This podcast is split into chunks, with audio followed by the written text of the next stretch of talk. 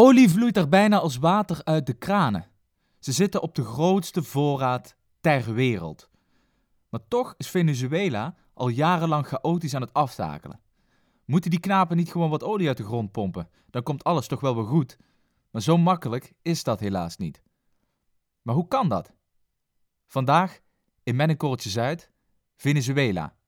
De vaten vol, de magen leeg.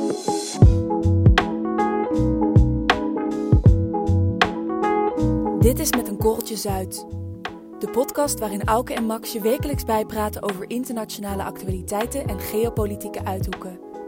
Twee heren zonder blad voor de mond met scherpe en minder scherpe analyses. En oh ja, je luistert naar twee vers uit de universiteit gerolde politicologen.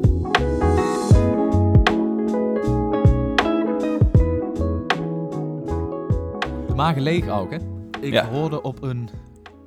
Ja, dat is eigenlijk wel een, eh, een, een vrij duister eh, YouTube-filmpje... Uh-huh. dat eh, de volgende scenario's zich in Venezuela voltrekken. Namelijk, mensen breken in in een dierentuin om daar dieren te jatten en die af te maken om ze vervolgens op te eten.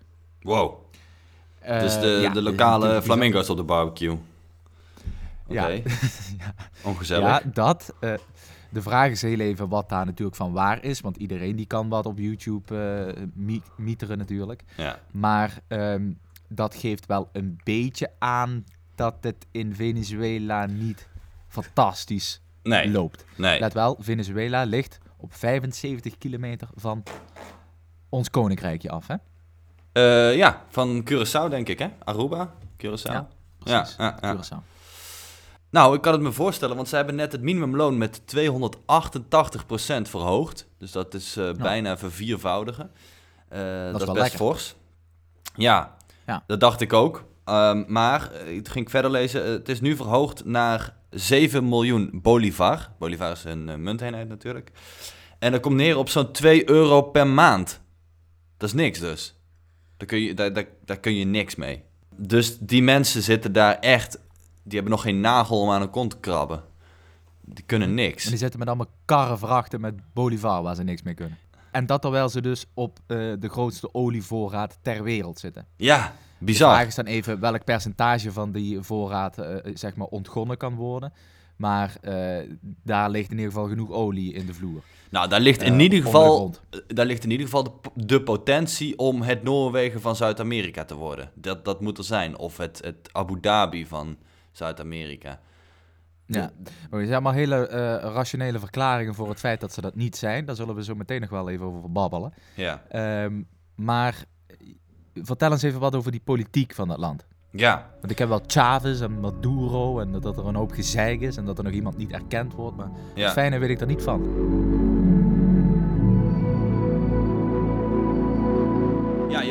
Ehm, Hugo Chavez, is misschien wel de bekendste. Dat was echt een, eh, een socialist. Die zag... eh, Ja, Hugo. Die zag in 1999 dat, er, eh, dat het land op, ja, op gigantische olievoorraden zat. Tenminste, dat was niet, hij, hij kwam daar niet als enige achter. Dat wisten we natuurlijk allemaal al lang. Ehm, Ja. Maar hij kwam aan de macht omdat hij zei... jongens, we gaan die olie gaan we uit de grond halen...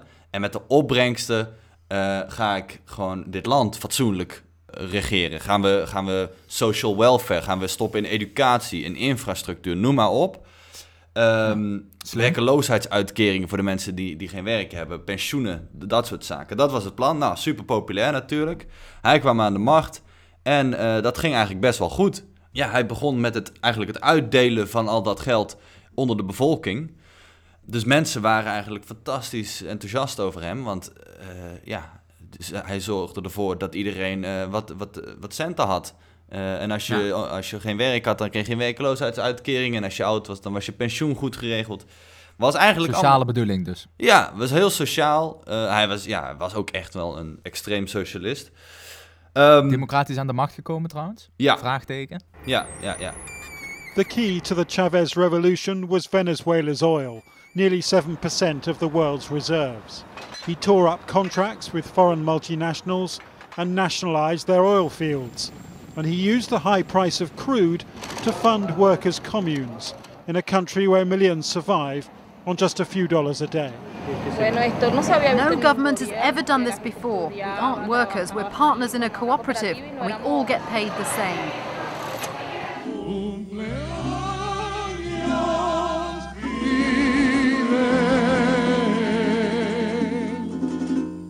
Serenaded Fidel Castro, his idol and mentor, sending oil to Cuba in exchange for Cuban doctors.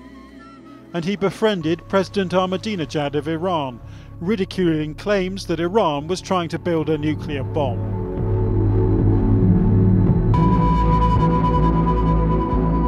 Maar je zag toen al wel dat het- de, de, de manier hoe Chavez zijn economie inrichtte, dat dat niet heel verstandig was. Dat is voor de korte termijn heel goed. Hè? Je, je, je, je- verdient enorm. Het eigenlijk een beetje wat hij deed, is eh, ze wonnen de loterij.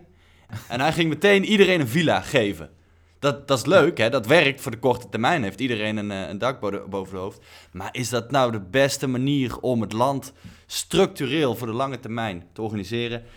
Maar er kwamen langzaam maar zeker wat scheurtjes aan het licht. Zeker in 2008. Toen was hij natuurlijk al een jaar of acht aan de macht. En ehm, Negen. negen, precies. Hij had steeds meer ingezet op, eh, op olie. Zeg maar, hij, hij begon alles te wedden op één paard. En ja, dat is meestal niet heel verstandig. Ehm, geen diversified portfolio. Nee. En toen kwam 2008. En we weten allemaal 2008, economische crisis.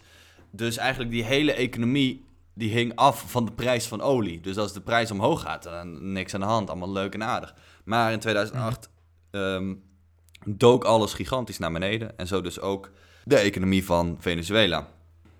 Dutch disease heet dat, hè? Ja, is precies, dat klopt. Ehm, leg eens uit. De Nederlandse ziekte. Mhm. Eh, dat is dat je... ehm, de, de- de- veel landen die dus op zo'n gasbel of op zo'n eh, zo'n olievat zitten, die eh, concurreren zichzelf als het ware de markt uit. Hm. Want ehm, je hebt een grote olievoorraad. Dat nemen andere landen af. En de vraag naar jouw munt, die stijgt. Als de vraag groter wordt, dan stijgt dus de waarde van je munt. Hè? Ja, Dus ja. dat, dat, dat bedoel, dat snapt iedereen. dat is logisch. En ehm, dat is eigenlijk, ja, dat is niet per se een nadeel. Dat is hartstikke handig. Dan kun je namelijk in het buitenland eh, relatief goedkoop spullen halen. Omdat jouw munt gewoon veel waard is. Snap je? Een Brit kan met zijn pond eh, veel eh, spullen halen uit Afghanistan met de Afghaanse dollar. Want dat, Mhm. ja, dat is niks waard. Mhm. Ehm, maar wat wil nou in Venezuela? Dat ga, daar gaat wel je eigen productie, je manufacturing eh, gaat daarvan naar de kloten. Want eh, het wordt gewoon veel te goedkoop om spullen uit het buitenland te halen. En ja, dan gaat niemand meer iets in Venezuela maken natuurlijk. Je bent eigenlijk tegen je eigen concurrentiepositie aan het strijden. Ja, dus in, in Eh, Venezuela ga je ja. niet meer een, een auto kopen die in Venezuela gemaakt wordt. Want je kan hem veel beter uit Colombia halen of uit Bolivia, want dat is veel goedkoper. Dus de eigen Precies, binnenlandse maar- productie ja. gaat naar de galamiezen. Ja. Ja, nou ja, dus wat je kunt doen, en je hebt dat net al een beetje uitgelegd, dat is namelijk wat Venezuela totaal niet heeft gedaan. Als je nou een redelijk diverse economie probeert in te richten, dan ga je dat een beetje tegen. Er zijn natuurlijk allerlei monetaire eh, acties die je kunt uitvoeren met rentestanden en met eh, de prijs van eh, bonds, et cetera. Mhm. Waardoor je die munt een beetje kunt drukken. Maar goed, even in reële economische zin, als alles afhangt van jouw export van olie, dan hangt dus de hele welvaart van je land af van de prijs van olie. En als die zakt, ja, dan ben je dus het haasje. Nou, als je gewoon een diversere economie hebt, waar services worden verleend, waar wat andere dingen eh, geproduceerd worden, waar er sprake is van eh, gewoon, ja, gewoon een healthy economy, dan, maakt dat, dan heeft dat minder impact. En dat was natuurlijk met die op één paard weddende Venezuelanen niet het geval. Nee, nee. En, en in 2008 ging het dus echt gigantisch mis bij hun. De wereldeconomie stort in en zij hadden alles op olie gewet. Ehm, ja, zij zaten diep in de shit. Dus wat, eh, wat bedenken ze? Ja, we gaan maar gewoon geld bijdrukken. Eh, want dat is altijd een heel goed plan, blijkbaar. Ja, dat, is altijd, dat werkt altijd fantastisch. Gewoon de printer aanslingeren. Dat hebben ze gedaan. Ja, En dat is ja, precies zo, toch? Je had die, die bot, dat Botswaanse biljet, had jij. Ja, ja, ja. Botswana, toch? Eh, Zimbabwe. Zimbabwe. Zimbabwe, sorry. Zimbabwe. Dan krijg je dat eh 50 triljoen en zo. Ja, ja. nou dat hebben ze dus ook in, eh, in Venezuela. Dus je gaat geld bijdrukken, ja, dat wordt dan weer niks waard. Want ehm, ja, je, je drukt geld bij. Eh, wat las ik nou? In 2020 een inflatie van 2000 procent. Ja, weet je, daar, daar kun je niks mee. Het wordt allemaal niks waard. Maar je, je zou zeggen, dat, dat zijn echt van die klassieke... Dat is als je aan groep 3 eh, voorlegt wat er met zo'n economie moet gebeuren. Zeg ja, wat geld bijdrukken. Ja. Maar dit is toch... Dat is toch wie, wie verzint dat, zeg maar? Het kan toch bijna niet dat Ja. daar eh, economen eh, aan, het, aan het roer zitten met een diploma? Nou ja, Het is toch, dat, ja, er zijn zoveel voorbeelden van waar dit fout is gegaan. Hoe functioneert dat dan in dat land? Ja, het probleem met Venezuela is ook wel dat ze. ehm, het, het is toch een land van vriendjespolitiek. Dus Madu eh, Chavez, die zei: Nou, we gaan die oliemaatschappij nationaliseren. En daar zetten wij. eh, ja, zet ik een, een aanhanger van mij aan de top. Eh, dat kan, hè, dat kun je doen. Eh, het probleem is alleen dat olie uit de grond pompen in de jungle en uit, in de Caribische Zee en waar dat ligt, hè, dat ligt allemaal onder de grond daar. Ja, dat is niet iets wat je met je HAVO-diploma zo, zo even kan doen, weet je. Dat, dat vergt behoorlijk wat kennis en, en Ja. expertise. En die heb je dan niet in huis als je wat vriendjes daar aan de top zet. Dat is goed voor je politieke stabiliteit, want die houden jou wel in het zadel. Maar ja, praktisch olie uit de grond pompen, dat kunnen ze misschien niet zo goed. Dat is een heel veel voorkomend probleem in, in Venezuela. Dat er gewoon Dus het nepotisme ja, draait ze eigenlijk de nek om. ja, het is heel veel vriendjes op de, op, de, op de juiste plekken zetten. Maar ja, weet je, olie uit de grond boren is gewoon niet zo makkelijk. Dat doe je niet zo makkelijk. Ze missen vooral heel veel expertise. Ehm, en daar kwam dan Mhm. natuurlijk nog bij dat ze het, eh, het zo gingen nationaliseren en zo socialistisch dat de Amerikanen daar weer boos over werden, want je mag niet zo socialistisch zijn. Nou ja, en die krijgen dus een aantal sancties over hun flikker heen. Dus eh, het is een opeenstapeling van allerlei soorten. Ja, het is van heel incapabel te werk gaan. Maar misschien waren de, de eerste intenties waren wel goed. Hè? Dus eh, we willen de olie uit de grond pompen en we gaan het geld onder de bevolking verdelen. Het is alleen, Ja.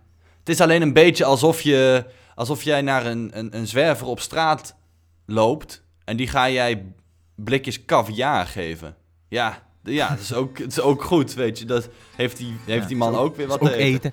Ja, maar het, het is Maar het is niet... geen duurzame oplossing. Nee. Ik snap hem. Nee, nee.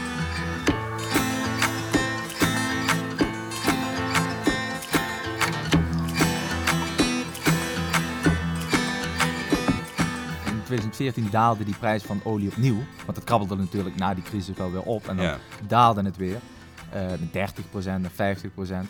Maar dan zou je toch zeggen, na de eerste klap, na de eerste keer dat de hele economie instort, omdat een olieprijsje eh, hè, een beetje volatiel is, Mhm. dan, ja, dan zou je zeggen, maak er dan werk van om, om een gezondere economie, om niet alles op die olie te zetten. Maar dat is dan blijkbaar toch Nou ja. lastig of makkelijker gezegd dan gedaan.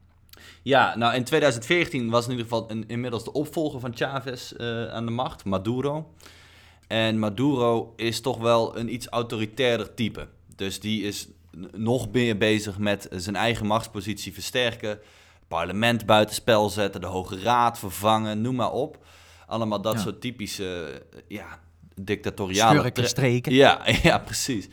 De Ehm, Hoge Raad vervangen, dat is echt die klassieke, gewoon de klassieke, de klassieke bandietenmove. Ja, ja, ja, precies. Eh, dus eh, ja, hij is veel meer bezig met zijn eigen positie, eh, zichzelf in het zadel houden. Dan zo'n land, dan, ja, dan zo'n land duurzaam en fatsoenlijk te organiseren. Dat is gewoon minder eh, zijn prioriteit, lijkt het. En sinds een paar jaar terug heb je natuurlijk het volgende probleem voor Maduro. Er zijn nieuwe verkiezingen geweest en die zijn dan wel of niet gewonnen door Juan Guaido. Dat werd ook, hij werd ook erkend door de Europese Unie als winnaar, oppositieleider Guaido. Eh, Amerika. Jij zegt wel of, wel of niet gewonnen. Ja, dat is dus hè, dat, eh, dat is een beetje hetzelfde als met, eh, met Donald Trump wel of niet gewonnen. Alleen is het daar misschien nog iets vager. Want eh, ja, Maduro zegt nee, ik heb gewonnen, eh, wegwezen. En Guaido zegt nee, ik heb gewonnen. Nou, Europese Unie, Amerika, die zeggen wij, wij, zijn, wij, wij zijn het eens met Guaido. Die heeft gewonnen. Mhm. Eh, het is in ieder geval... Nee, dat is trouwens die, de, E- de EU heeft dat weer ingetrokken. Ah. Volgens mij was dat in januari. Wacht, ik, ik zoek het heel even op.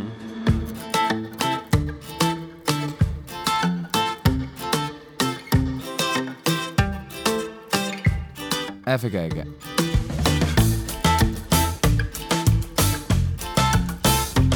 EU drops recognition of Juan Guaido as Venezuela's interim president. Ah, Ja, Het dus de facto eh, is eh, die erkenning van de beste man Ja, ingetrokken. afge, afgeschreven. Ja, A serious diplomatic setback to the opposition leader's faltering campaign to oust Nicola Maduro from power. ja.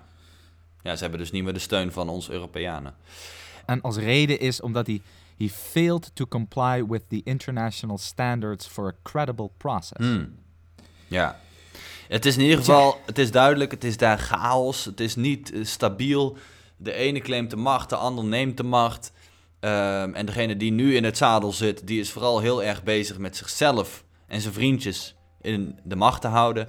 En die is veel minder bezig met, hey, die enorme olievoorraden. We zouden hier gewoon het, het Noorwegen van Zuid-Amerika kunnen worden. Want die potentie hebben ze natuurlijk. Hè? Ze kunnen een fantastisch welvarend land worden als ze dit nou eens even goed zouden regelen. Maar dat, ja, dat is misschien ook makkelijker gezegd dan gedaan.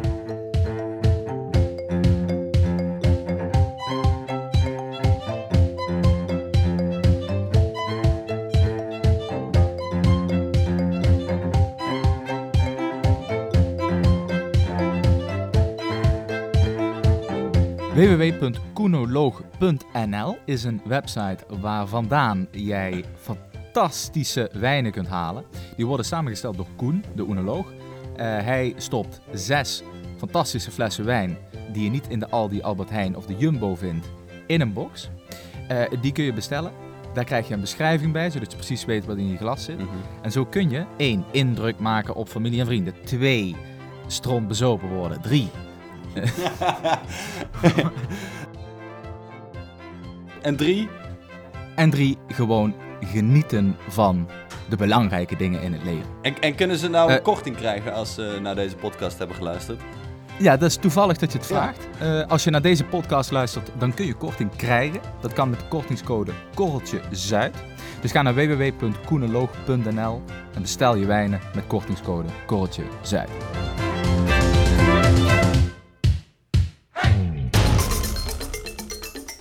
Maar het geinige is dus, je zou zeggen Venezuela, die mensen zijn niet achterlijk.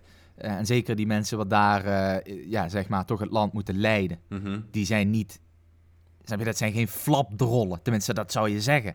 Nou, Maar al die, die, die monetary policies van die mannen, met dat geld bijdrukken om dan vervolgens een jaar later drie nullen weg te strepen en dan weer een, nieuwe, een nieuw bankbiljet uit te geven, Ja. wat dan gelijktijdig loopt met het oude bankbiljet, zodat mensen geen flauw idee meer hebben waar ze aan... Die mensen lopen, lopen ook allemaal met van die dikke pakken geld, hè. ja. Die, die Venezuelanen schijnen samen met de Oezbeken de snelste geldtellers te zijn ter wereld. Omdat die, dus alle, die moeten echt van die enorme bankbiljetten de hele dag door uittellen. Ehm, dat is geen grap. Maar ehm, eh, wat ze de- dus dat doen ze, hè? dus het eh, wegstrepen van nullen. Maar dat is natuurlijk geen effectieve oplossing. Dat is alleen maar even handig, zodat mensen Ja. eh, ja, niet meer met 24 miljoen de straat op moeten, maar met 24.000 Ja. van die eh, bolivars. En wat ze ook gedaan hebben in 2018 is ze hebben hun, ehm, hun munt aan een crypto gepakt. ja, Dus heb ik ook pack is aan, opha- aan, de, aan, de, aan de petro Ja. of zoiets. Maar die, maar die crypto die bestond dan weer niet. Of die, die was helemaal niet verhandelbaar. Of ja. Nu is het in principe is, hoeft dat geen probleem te zijn. Maar ja, goed, dan kun je net zo goed je munt eh, ophangen aan eh eh, kunststof kozijn. Ja, letterlijk. Er is volgens mij een, eh, Ja. een, een bekende econoom uit Amerika geweest die zei: Ja, dit is eigenlijk hetzelfde als je, als je munteenheid aan, aan unicorns paggen. Dat, dat, dat slaat nergens op, zeg maar. Dat heeft helemaal nul Ja. waarde. Maar wat, wat geinig, dat, want het is, ja, het is eh, zo debiel, zou- eh, zou je haast zeggen, want wat is dit voor een rare gang van zaken. Mhm. Maar ja, dat, dat, dat is dan toch voor hun dan de korte termijn eh, oplossing. Ja, en, en Blijkbaar. wat ik ervan heb begrepen, maar ik moet eerlijk zeggen, ik begrijp het zelf niet helemaal hoe, het, hoe dit nou in elkaar zit. Eh ten tijde van Maduro heeft hij die bolivar van hun gekoppeld aan de Amerikaanse dollar. Nou, dat is een- natuurlijk een stabiele internationale munt, daar kan niet zoveel mis mee gaan.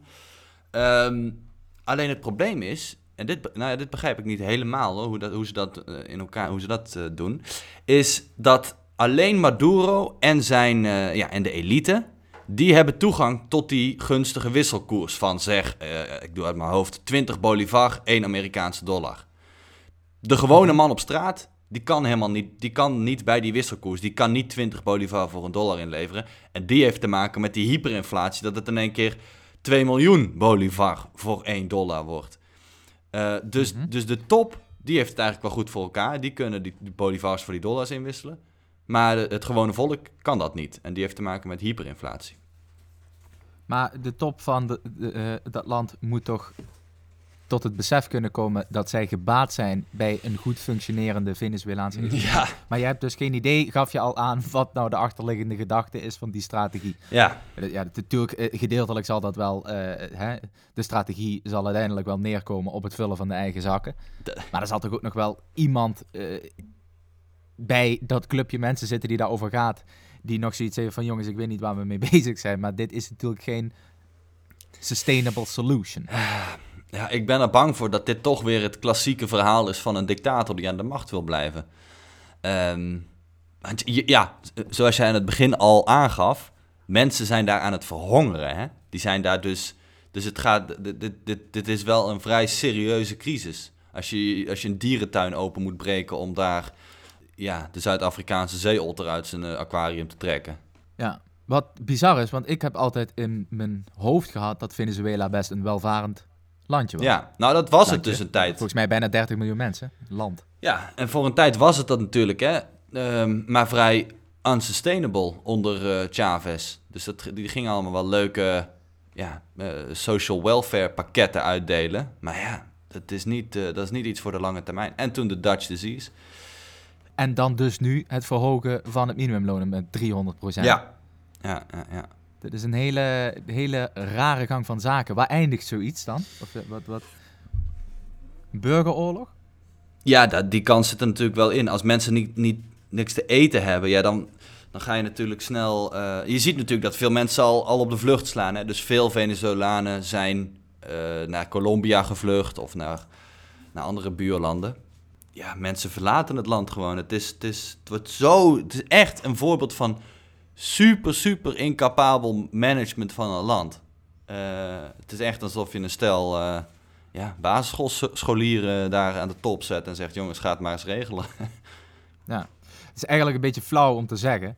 Maar een land met zo'n chaos en eh, zo'n grote olievoorraad. Het is eigenlijk nog gek dat Amerika daar nog niet is binnengevallen. Ja, ja, dat is eigenlijk. Oeh, controversieel statement.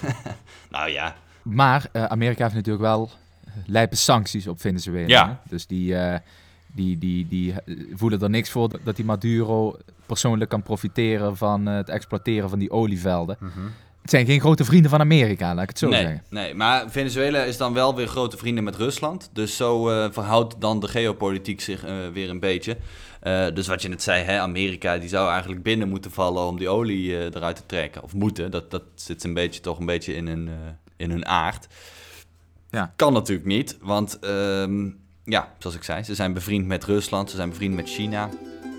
En dan, eh, nou, dan heb je toch weer de poppen aan het dansen als je daarmee mee gaat lopen, eh, lopen kloten.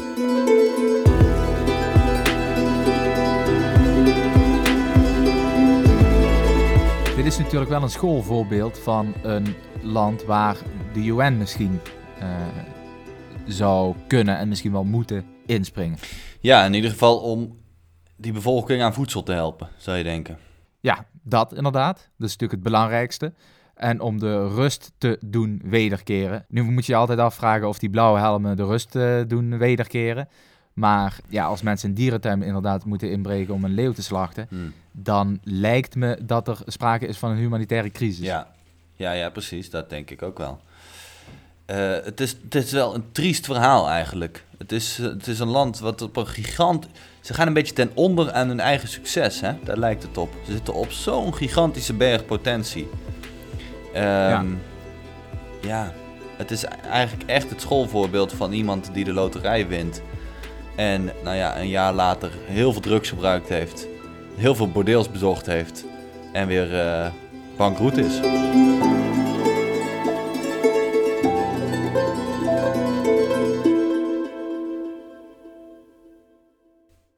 Goed, dat, eh, dat was hem weer voor deze week. Ehm, volg ons op eh, Spotify. Volg ons op Instagram, zijn we ook te vinden. Korreltjes uit. En als je ons wil steunen, kijk even op www.petje.af slash.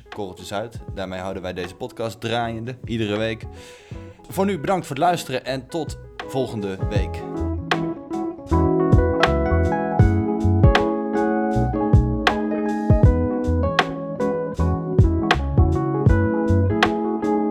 Deze podcast werd gepresenteerd door Max Severijns en door mij, Auke Roos. De intromuziek is van Antal van Nie. De cover art is gemaakt door Jules Jansen. En kijk voor meer informatie op korreltjezuid.nl